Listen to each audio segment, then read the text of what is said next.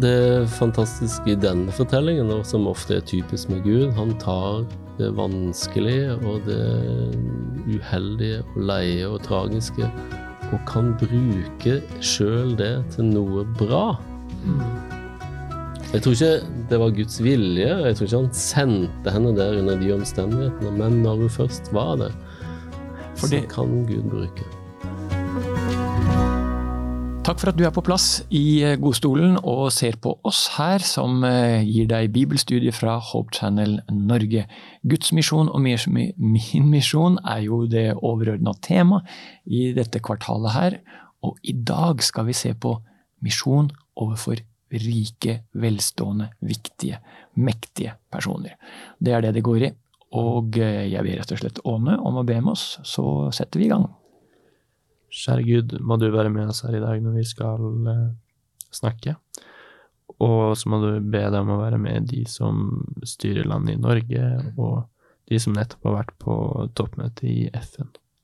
Og hjelpe de å påvirke de sånn at de gjør eh, riktige og gode valg. Amen. Amen. Vi skal altså snakke om mektige personer, og de som er i FN er definitivt mektige personer, og kanskje møter vi noen av dem ved en eller annen anledning. Vi skal gå løs på en historie som er eh, veldig interessant, og det er en kar som heter Nebukadnesar. Han var konge i et av de landene som virkelig var motstander av jødefolket. Han var invasjonssjefen. Mhm, Ja.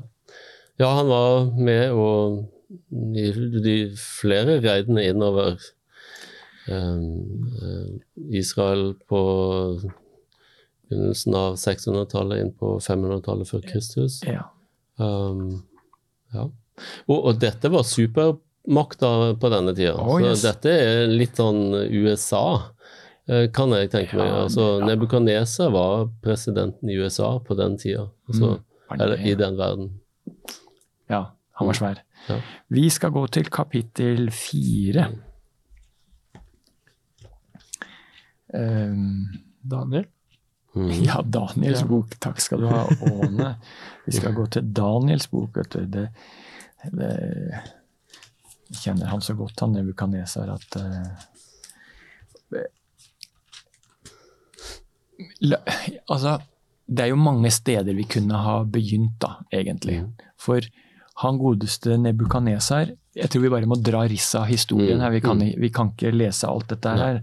Men hele Daniels bok eh, er, jo, er jo en bok som er, er satt i denne okkupasjonssituasjonen. Og eh, den første okkupasjonen som Nebukadnesar gjennomførte, var vel rundt 605 eller der omkring. ikke sant? Og da deporterer han en svær gruppe mennesker.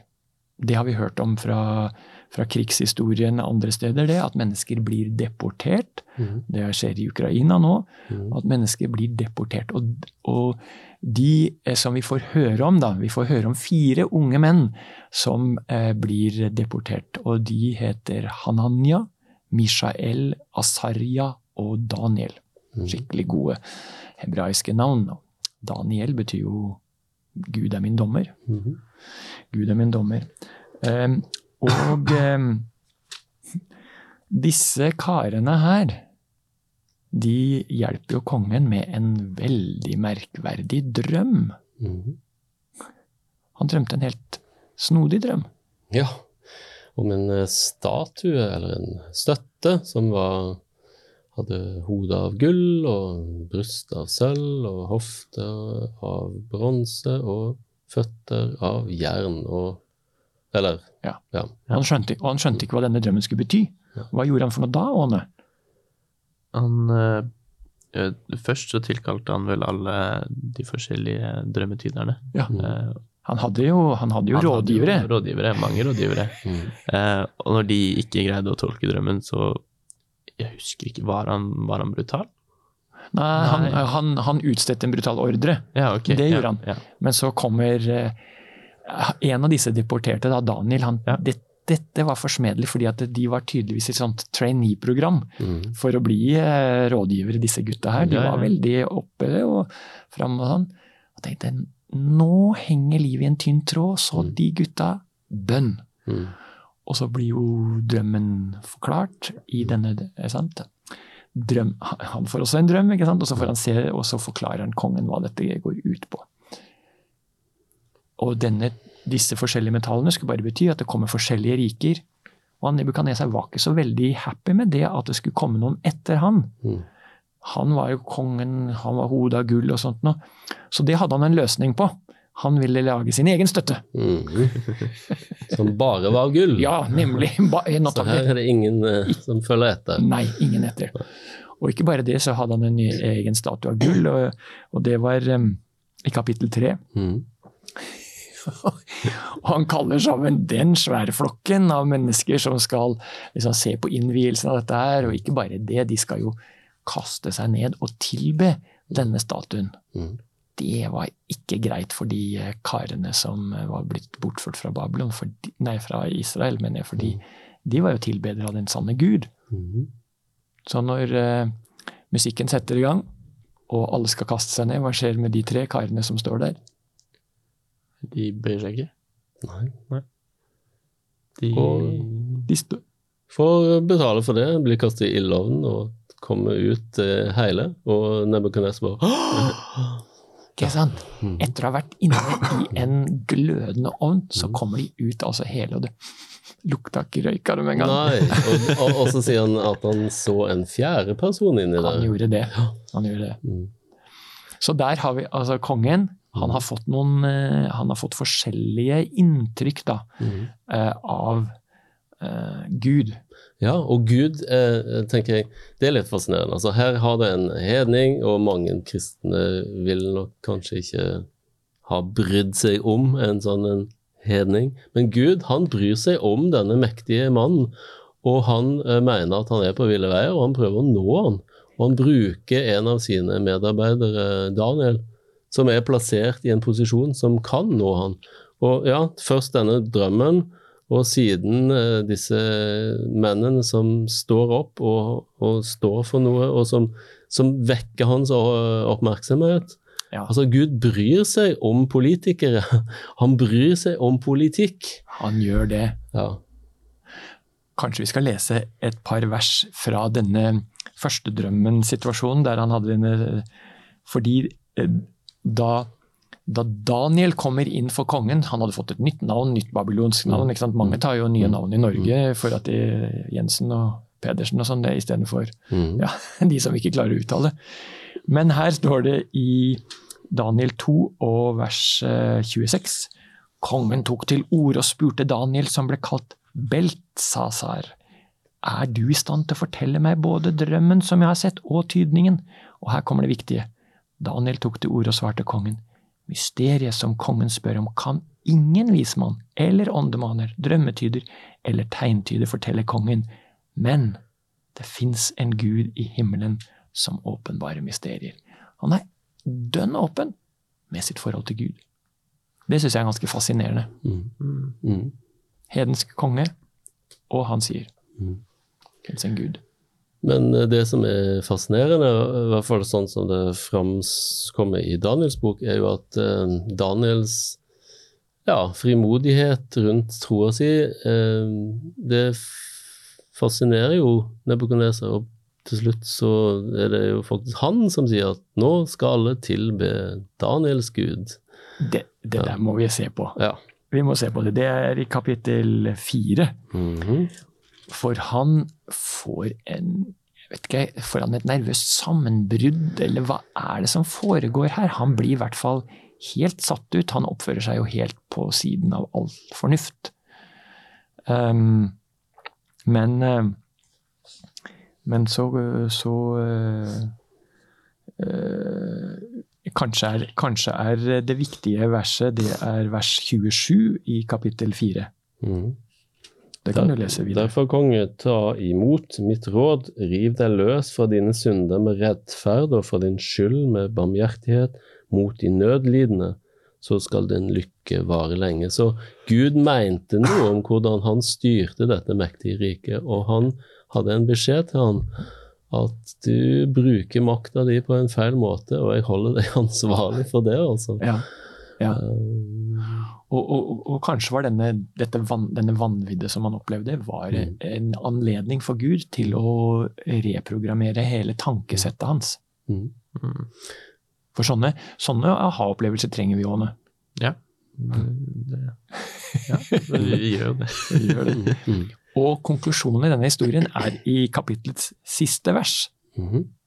For eh, han får forstand tilbake, og da sier han følgende, Åne, vers 37. Jeg, Nebukadnesar, lover, priser og ærer nå himmelens konge, for alle hans gjerninger er sanne og hans veier rette. Han kan bøye dem som er hovmodige i sin ferd. Ja. Han er en veldig erkjennelse han har kommet til. Mm. Han, øh, han hadde vel et øh, Tidligere hadde han en sånn Nå skal alle tilby det sanne Gud. Han var ikke noe særlig religionsfrihetsfyr. Det var han ikke. Men øhm, her hadde, hadde det blitt vitnet for han, og det vi tar med oss her i denne sammenhengen, Mm. er at det fins det, det dukker opp anledninger. Mm. Vi må ikke være vi må ikke være lammet, vi må ikke være tilbakeholdne Mm. med også flagge tro når vår vei møter en person som har stor myndighet, stor makt. Så må vi også være, være åpen for troen. Fordi er det ikke sånn at alle med makt, til syvende og sist er de bare et menneske. Mm. Vi er alle bare mennesker. Og så tar jeg det med at Gud mener alltid noe om mennesker med makt som misbruker det. Han forholder seg ikke nøytralt til det og sier jeg driver med sånne åndelige ting. Jeg. Nei, han, eh, han, han ber oss jo i skapelsesretningen å råde over jorda. Mm. Vi skulle fylle jorda med hans visdom, hans kjærlighet. Vi skulle få verden til å blomstre. Og det innebærer òg politikk i den forstand at vi ordner samfunn sånn at folk har det eh, godt, og at eh, mennesker kan vokse og blomstre i et samfunn. Så ja, eh, Gud henvender seg ikke bare til eh, vanlige folk, men òg til folk med makt og mm, Og der det, der det kanskje er uvanlig. Ja. Vet dere hva?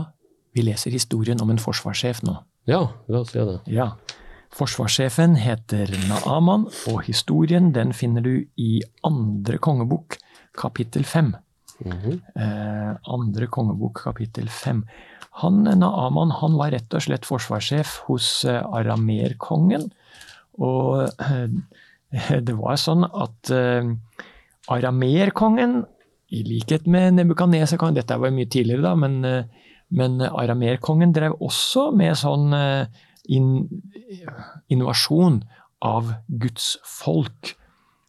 Og tenk på det, du. En gang på et sånt innovasjons- eller herjetokt. Det var nærmest som noen vikinger dette her, som bare for fram. Og, og han hadde tatt med seg en ung jente fra Israel som fange. Mhm.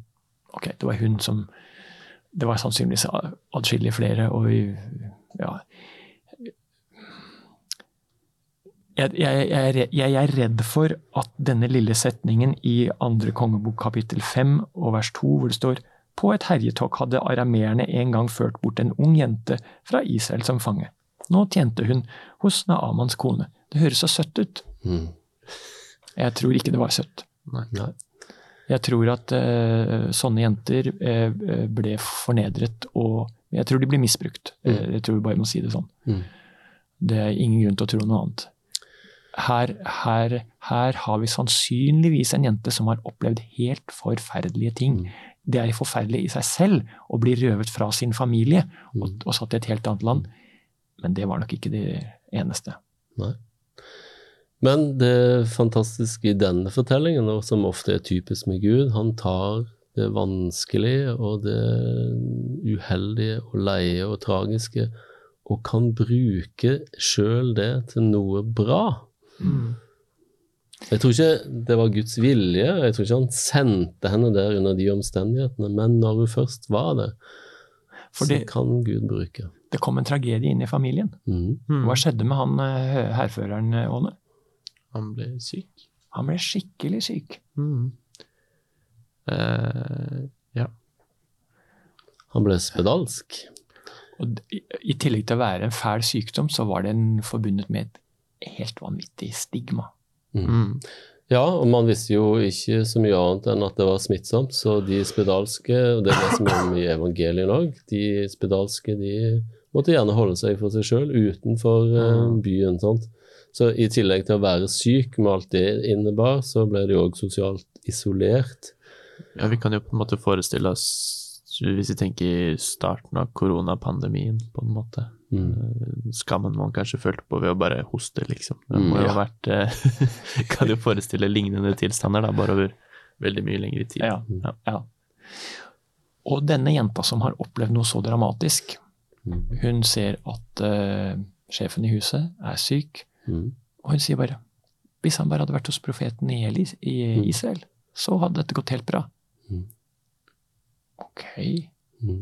Igjen denne frimodigheten ja. overfor eh, hærføreren eh, for armeen. Ja. Ja. Det er liksom ikke sånn Ja, kanskje ikke jeg skal snakke så høyt om min tro og min gud her, men jo.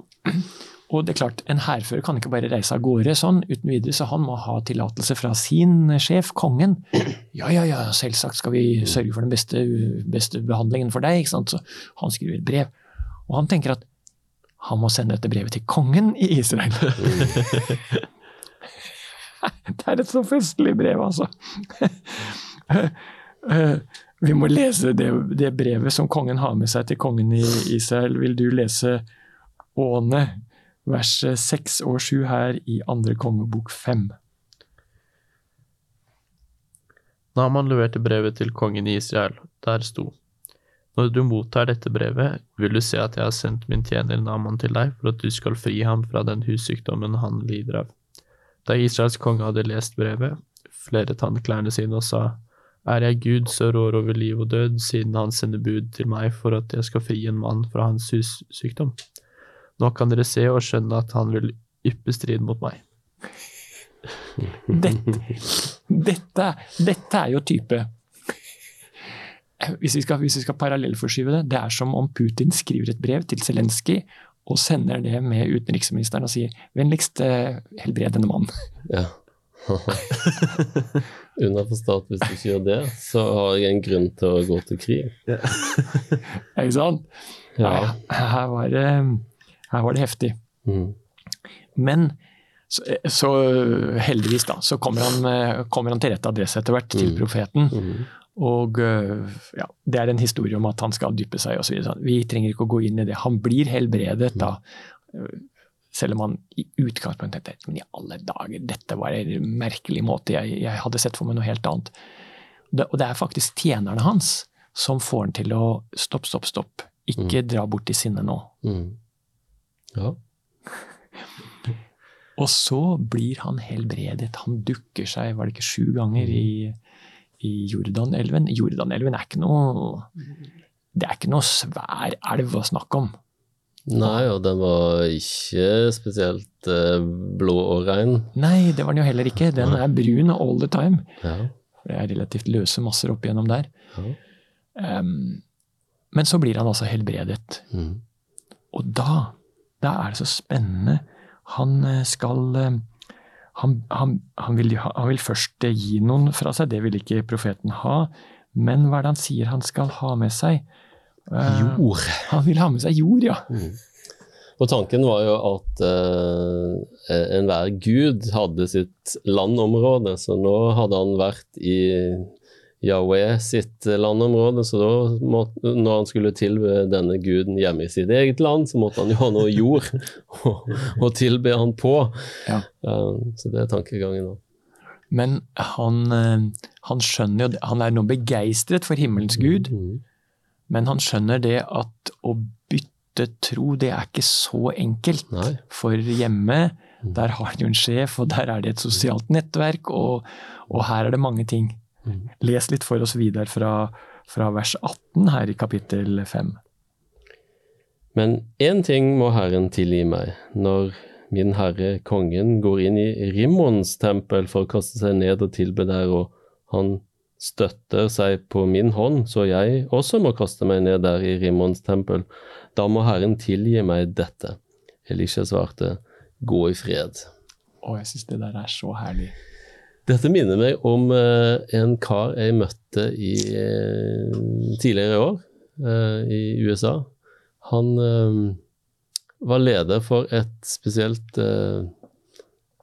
ministry, hva det heter på norsk. Tjeneste, kan du ja, si. Ja, et ja. sånn opplegg der man gikk inn i muslimske land, og så uh, henvendte seg til muslimer. Og så når de ble kristne, så sa de ikke 'ikke forlat eh, moskeen'. Nei. Fortsett å gå i moskeen og være kristen i din sammenheng. Uh, jeg har aldri hørt om noe sånt, Uh, men det var òg en veldig sånn pra pragmatisk holdning til tingene. altså. Um, du skal ikke bryte med islam, du skal fortsette å være uh, en kristen i den konteksten du vokser opp. Uh, selvfølgelig ikke å gå på kompromiss med troa di, men så langt det lar seg gjøre, hver, eh, hver en som ikke unødig skaper brytninger. Og, og jeg, jeg ser noe lignende her. Altså, han er en veldig pragmatisk profet. Han sier det er greit. jeg vet du ikke mener det. Det er bare et lite Ja ja da, ja da, ja da. Nemlig.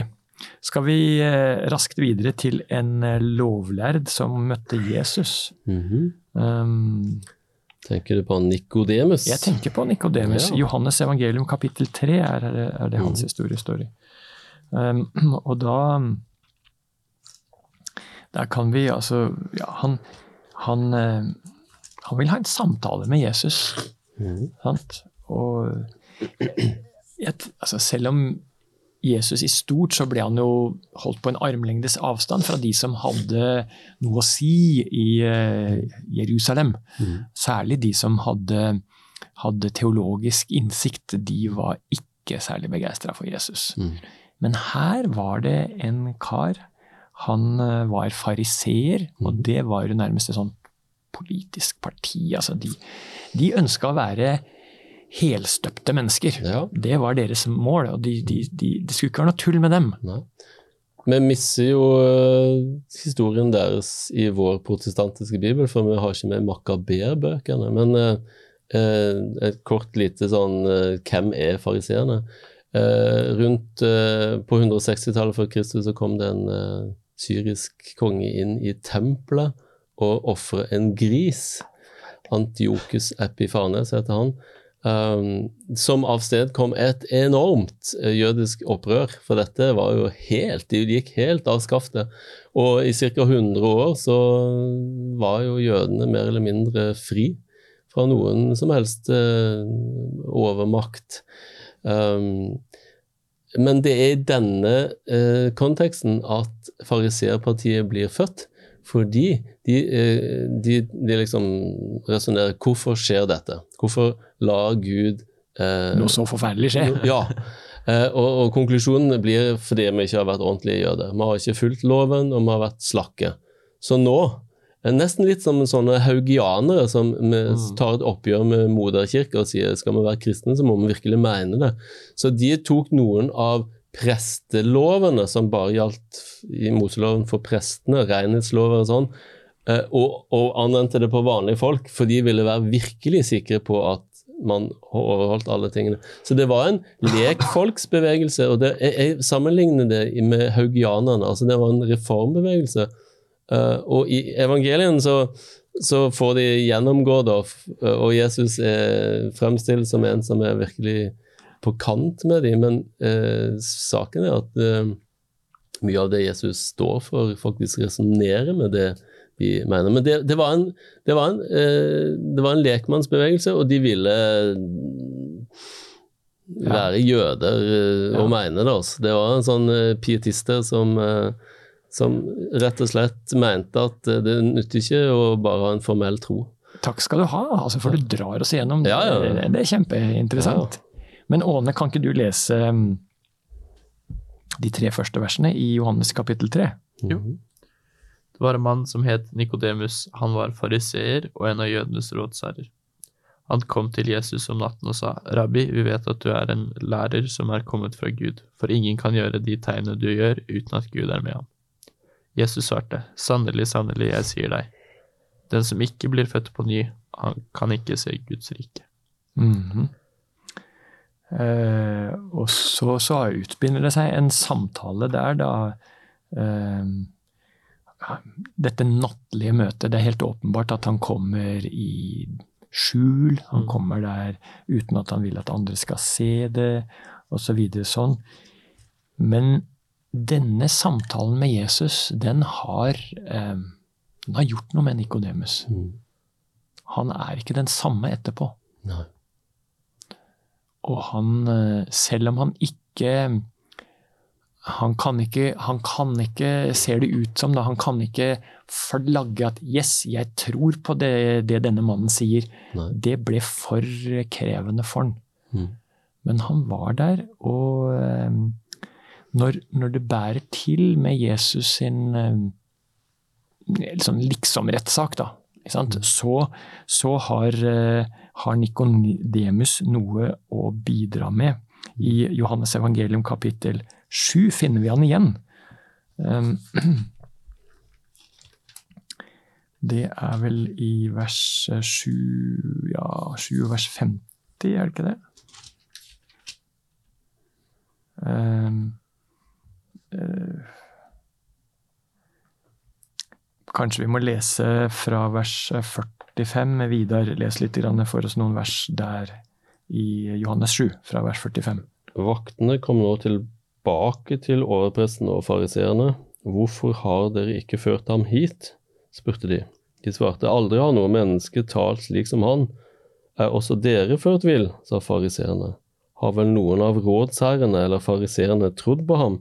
Men denne folkehopen som ikke kjenner loven, de er forbannet. Nikodemus, en av deres egne som tidligere hadde kommet til Jesus, sa da, loven vår dømmer vel ikke et menneske uten forhør, før en får vite hva han har gjort. Er kanskje du også fra Galilea, svarte de. Gransk Skriften, så vil du se at ingen profet kommer fra Galilea. Altså, han prøvde, å, han prøvde å dempe ned denne iveren etter å få Jesus uh, tatt av dage. Mm.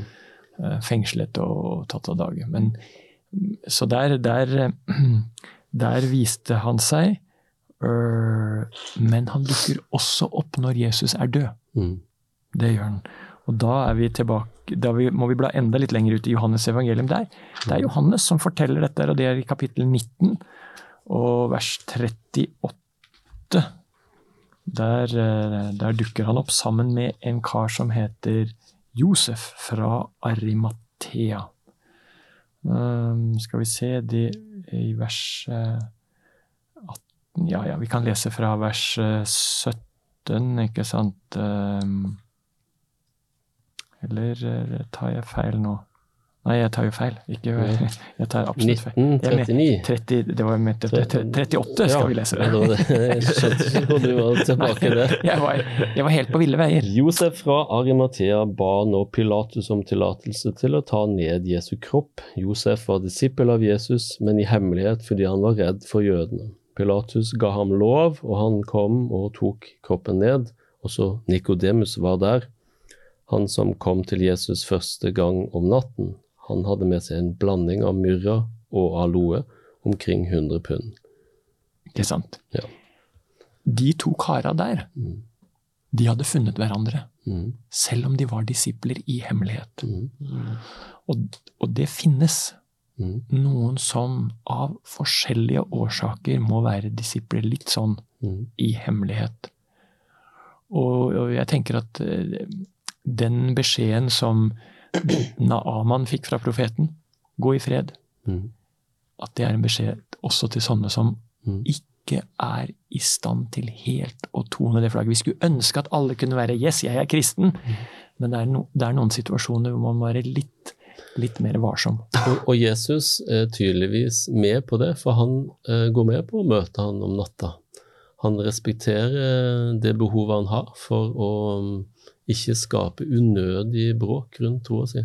Og eh, Jesus tok seg tida til å snakke med han, fordi mektige og rike og innflytelsesrike, de har òg Gud et hjerte for. Og noen av oss får disse sjeldne anledningene til å komme de i møte. Og de er en del av Guds plan. Og da er det kjempeviktig at vi ikke outer dem. Mm. Ikke sant?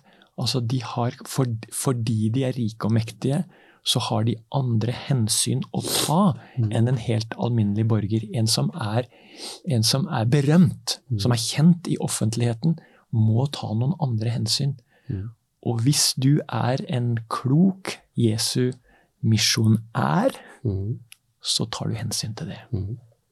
Jeg tror vi må bare sette ut landingshjulene der. Ja. Ja.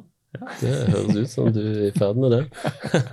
Men vi skal ta med oss en, en utfordring, Ja, skal vi ikke det? må jo, vi må ha en utfordring. Tilføy en på bønnelisten din som har en viss makt. Ikke er kristen, eller en du kan ha kontakt med fra tid til annen. Mm. Ah. Det er litt tøft. Mm. Sett den på bønnelista di. Det, det, det står i Bibelen at vi skal be for alle med en høy stilling, konger og alle. Ja. Sant? Så, så For Gud bryr seg om Nem- eh, nem- samfunnet. Nemlig. Så å be for vår statsminister, be for eh, våre statsråder, det er Jeg hadde en morfar. Han hadde alltid det fast innslag i hans bønn. Mm. Han var for kongen, regjeringen og Stortinget hele tiden. Gud er ikke eh, partipolitisk, men han mener noe om samfunnet. Og så er de forskjellige partiene, i hvert fall i vårt land, har ulike løsninger på hvordan vi skal håndtere forskjellige samfunnsproblemer. Ja, men ja. eh, ingen av de kan påberope seg å være Guds parti, ikke Kristelig Folkeparti engang. Mm. Så vi er fri til det som kristne. Det det. Men Gud bryr seg om samfunnet. Han gjør det. Så, Og derfor henvende seg til samfunnets innflytelsesrike, som vi har sett. og da ber vi. Da ber vi. Kjære Jesus, takk fordi at du er en Gud som bryr deg om alle mennesker, høy eller lav, rik eller fattig. Hjelp oss også til å være dine representanter i møte med innflytelsesrike personer når de anledningene byr seg. Hjelp oss til å ta de nødvendige hensyn, slik at troen kan få lov til å utvikle seg i det tempo som de er komfortable med. I Jesu navn vi ber. Amen. Åh, det var så fint at du var til stede på denne samtalen. Eh, For hvis du ikke var til stede, så har du ikke sett oss her. Men, eh, men eh, det er veldig bra at du er her, og vi kan ønske deg tilbake igjen neste uke til samme tid på samme sted. På gjensyn.